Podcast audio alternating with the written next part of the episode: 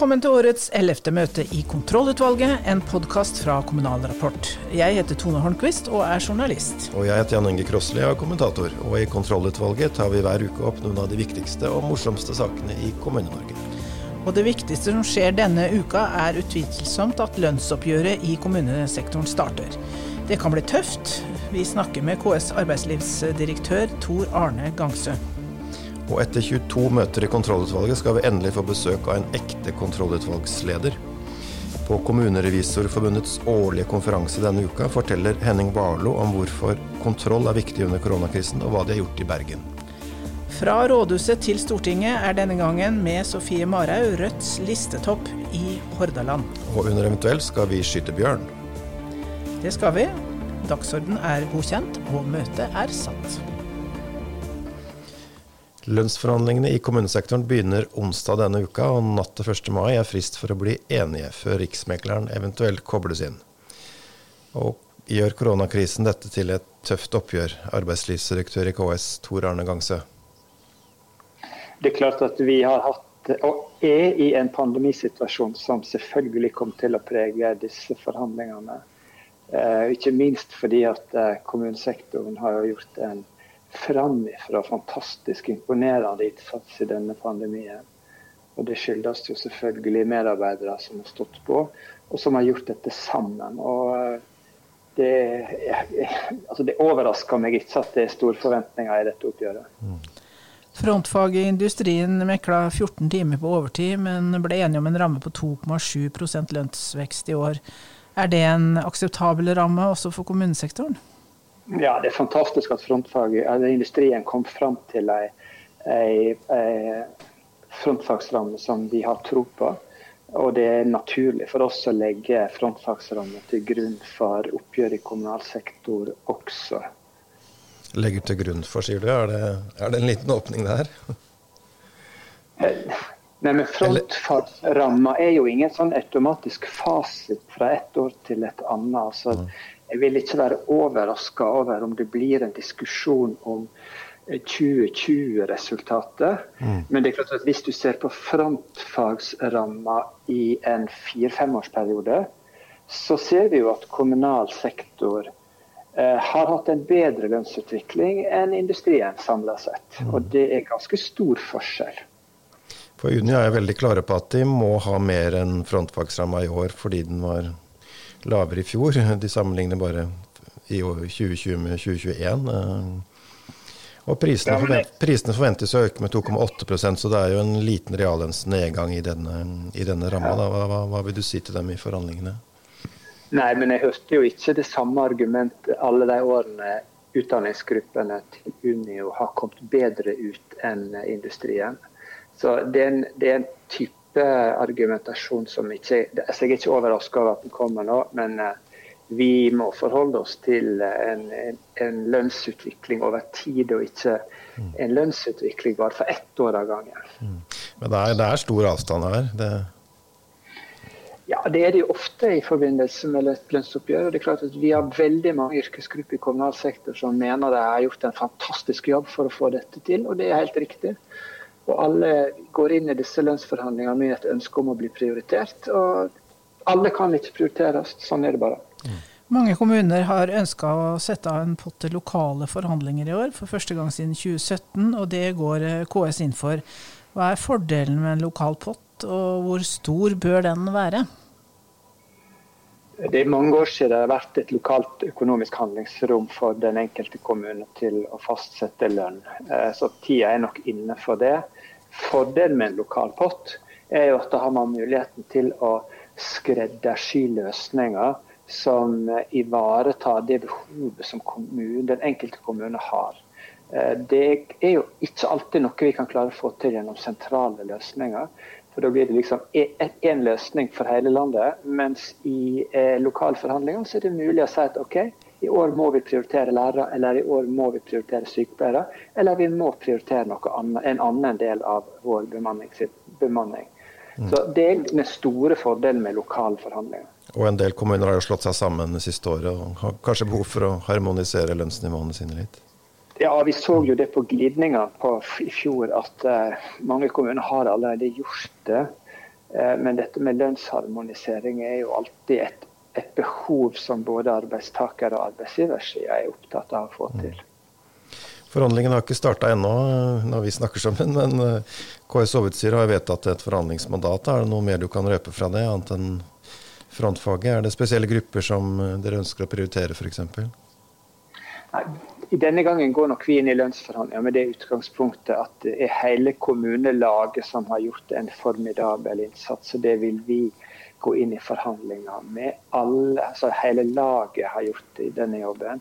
Alle altså, ansatte i alle grupper har bidratt til å håndtere den ekstraordinære situasjonen som mm. landet har stått i. Så Det vil være vårt utgangspunkt. Samtidig som vi vil være opptatt av å legge til rette for at lønn er et viktig rekrutteringsgrunnlag.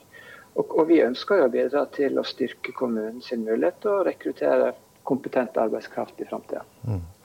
Tror du det blir forhandlingsløsning, eller blir det mekling etter neste helg? Hva jeg tror betyr ingenting. Men, men, det, men jeg, bare, jeg, bare, ser at vi har hatt forhandlingsløsninger i veldig mange år på rad. Ja. Men vi har måttet tydd til litt mekling innimellom. Og så må vi huske på at mekling er helt normal del av, det, av et oppgjør. Så jeg utelukker ikke at vi trenger både tid og at vi trenger kanskje også hjelp denne gangen. Det blir spennende å se. Første frist er altså natt til 1. mai. Takk skal du ha, Tor Arne Gangse, arbeidslivsdirektør i KS. Norges kommunerevisorforbund arrangerer denne uka sin årlige kontrollutvalgskonferanse. Og det må selvfølgelig vi som har eh, podkasten Kontrollutvalget få med oss. Ja, Vi har med oss Henning Warloe fra Høyre, som er leder for kontrollutvalget i Bergen. Velkommen. Takk skal du ha. Og På konferansen eh, onsdag-torsdag så skal du fortelle om hva dere har gjort under koronakrisen. Og først litt overordna, under en krise som dette, en pandemi, hva er kontrollutvalgets rolle? Eh, jeg tenker at det er iallfall minst to, eh, to, roller. Eh, det ene er å, Den ene rollen må være å være en vaktbikkje i forhold til om skal vi si, lover og regler blir fulgt. Om styringen under krise skjer i henhold til det som er vedtatt av f.eks. fullmakter og, og retningslinjer for det. Mm. Um, det har vi bl.a. sett på i, i, Bergen, og det har jeg jo sett at også den nasjonale koronakommisjonen har vært opptatt av eh, når det gjelder nasjonale myndigheter. Eh, og Den andre rollen er nok å være en, en eh, kontrollør eller en vaktbikkje i forhold til kvaliteten på tjenestene som kommunen yter. Mm. Og da gjerne på vegne av brukere og innbyggere i kommunen. Hva har kontrollutvalget i Bergen gjort sånn konkret? Eh, ja, Vi har egentlig satt i gang, eller gjort eh, delvis eh, ferdig med begge deler. Vi, har, vi gjorde en juridisk betenkning, vurdering av hvordan regelverket i kommunen var for styring i en krisesituasjon. Vi har jo en parlamentarisk styrt kommune, så, så byrådet har krisefullmakter osv. Og, og, generelle fullmakter som de, som de styrer etter. Men det ble jo ganske tidlig avdekket at um, en del veldig viktige og inngripende beslutninger var blitt tatt i strid med det regelverket som, som, som gjaldt. Slik at uh, vi har sett på samme situasjon som man nå har uh, avdekket nasjonalt. Nemlig at viktige og, og prinsipielle beslutninger som skulle vært fattet av politiske organer, f.eks. i regjeringen, har istedenfor blitt fattet av byråkratiet. Eh, og, det var nøyaktig samme problemstilling vi avdekket i, i eh, Bergen kommune. Og da snakker du om Det hadde vært en del læringspunkter. Kommunelegen heller enn politikere, er det vi snakker om da, eller konkret? Ja, det, vi, i, i, i, Bergen så har vi en ordning med, med type kriseledelse, både kortsiktig og litt mer langsiktig, men med veldig klare begrensninger på, på hvilke type beslutninger som kan fattes. Eh, og I ett tilfelle så ble det jo fattet beslutning i Bergen om å stenge ned alle skolene. Eh, det var en beslutning som ble fattet eh, egentlig administrativt, mm. mens byrådet satt samlet i rommet ved siden av og hadde sitt møte og, og fattet ikke noe vedtak. Så har dere også liksom sett på... Typisk, typisk sånn liksom, brudd på, på, det som skulle være reglene. Men så har dere også og, hatt revisjoner på, på tjenesteområdene, ikke sant? Kan du kort ta de, de tjenesteområdene? Ja, det, det, ja, det, det, ja, det er riktig. Det, store prosjektet vi satte i gang eh, like over sommeren i fjor. Eh, vi trodde vel kanskje som de fleste andre at eh, pandemien ville være slutt i løpet av, i løpet av høsten eller året i fjor. Men vi satte i gang tre store revisjonsbestillinger.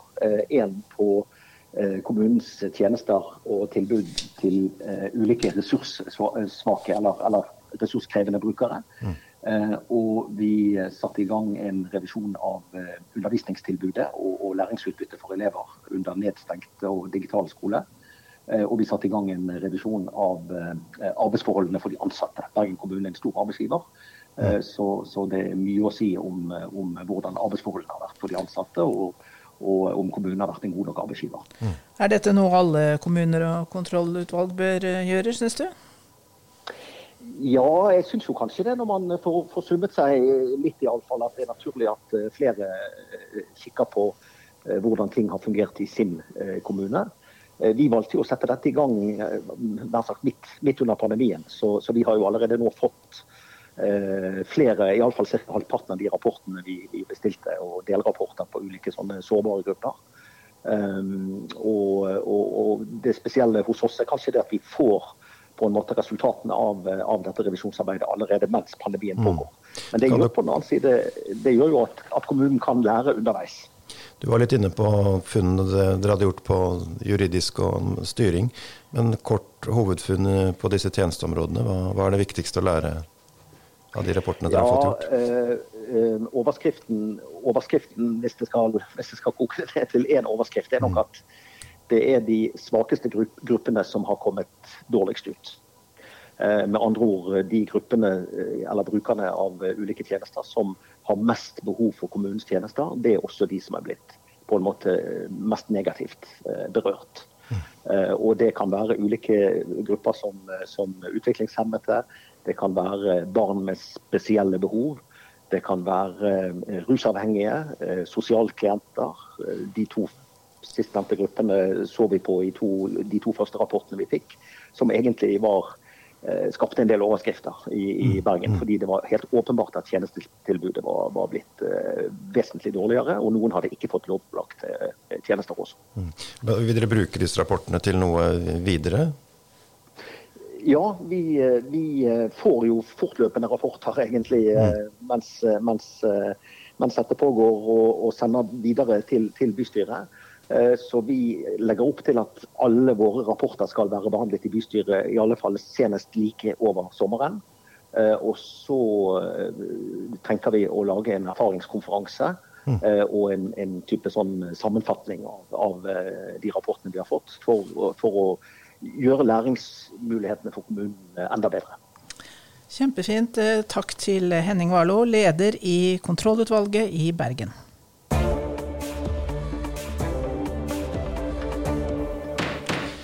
Det er stortingsvalg i år, og flere lokalpolitikere sikter mot Stortinget. I vår faste sak på dagsorden, fra rådhuset til Stortinget, er turen kommer til Sofie Marhaug, som er Rødts listet opp i Hordaland. Hvor stor, god dag. Ja, god dag, god dag Marhaug. Hvor stor sjanse tror du du har til å bli valgt inn på Stortinget?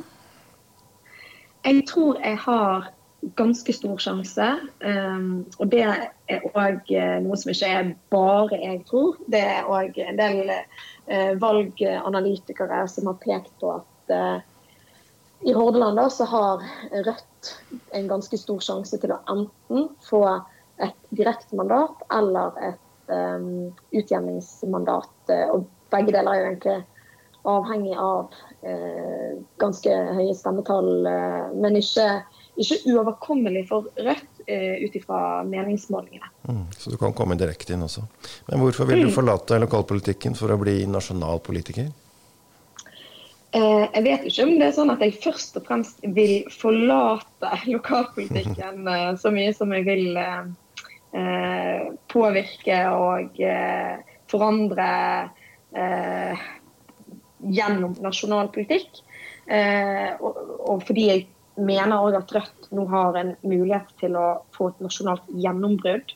Eh, og nå så komme over sperregrensen og dermed få åtte til ti representanter i stedet for eh, bare én eller to. Og, og, være med på det laget der, da.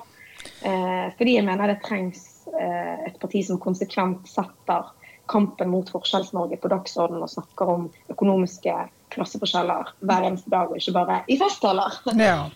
Eh, hva er det viktigste du har fått til i Bergen bystyre? Jeg tror det aller viktigste jeg har fått til, selv om det tok lang tid Jeg har jo sittet i, i bystyret i ti år. Eh, det var å få bort en sånn regel som Høyre og egentlig alle partier, bortsett fra Rødt, eh, stemte for. Nemlig å kaste Altså, da vedtok de å kaste barn ut av barnehage eh, hvis, hadde, hvis foreldrene ikke hadde betalt eh, regningen. Da. Mm. Så ved utestående betaling, som det het, i to måneder, så kunne barna bli kastet ut av SFO, eh, barnehage og SFO, for så vidt. Eh, men i hvert fall i barnehage så har vi fått endre på det igjen. Og det er jo eh, et forferdelig forslag i seg sjøl, syns jeg, men som rammer de som har aller minst. Og det er jo kanskje en liten sak, for ikke å snakke om så mange mennesker, men det er jo veldig alvorlig fordi det rammer, som er barn som vokser opp i mm. Mm. sannsynligvis fattige familier. Mm. Hvor, hvorfor skal folk i Hordaland stemme på akkurat deg? De skal stemme på meg hvis de vil ha eh, politisk forandring, ny politikk, eh, for å eh, redusere økonomiske forskjeller, som vi var inne på, for at eh, eh de som eh, er arbeidsledige eller som er lavtlønte, skal få et parti som taler deres sak. da. Mm. Og ja, det kan vi kanskje komme inn på. Ja, hva, hva, blir den viktigste valgkampsaken i ditt fylke, sånn som du ser det? Ja. Jeg tror jo at den viktigste valgkampsaken i hele Norge er kampen mot Forskjells-Norge. Vi har en massearbeidsledighetskrise, men vi, også, vi hadde òg store forskjeller før koronapandemien.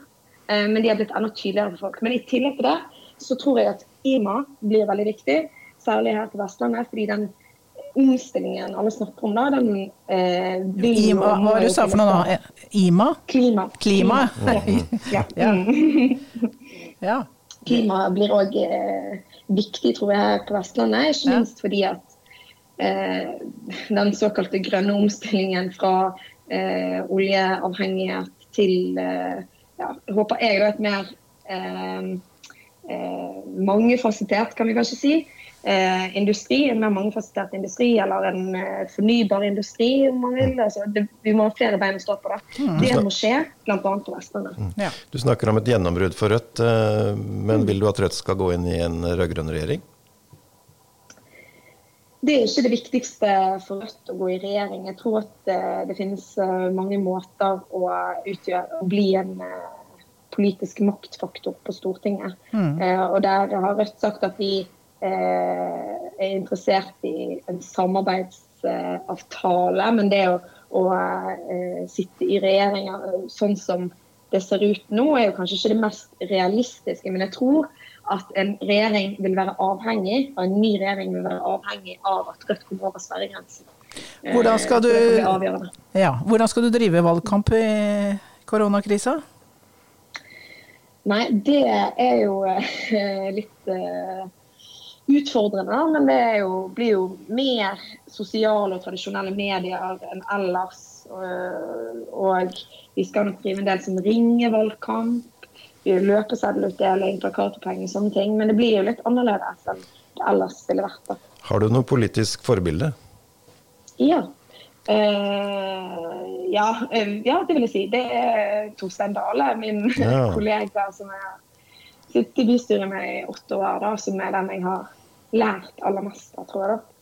Han er veldig pedagogisk òg, så det hjelper. Og han kan masse om, eh, Økonomi, om eh, kommune, ja, og kommuneøkonomi og de tingene der som egentlig var litt ugjennomtrengelig for meg da jeg ble valgt inn uh, i bystyret som 21-åring. Mm. Da sier vi takk til Sofie Marøy fra Rødt, og så ønsker vi deg lykke til med valgkampen.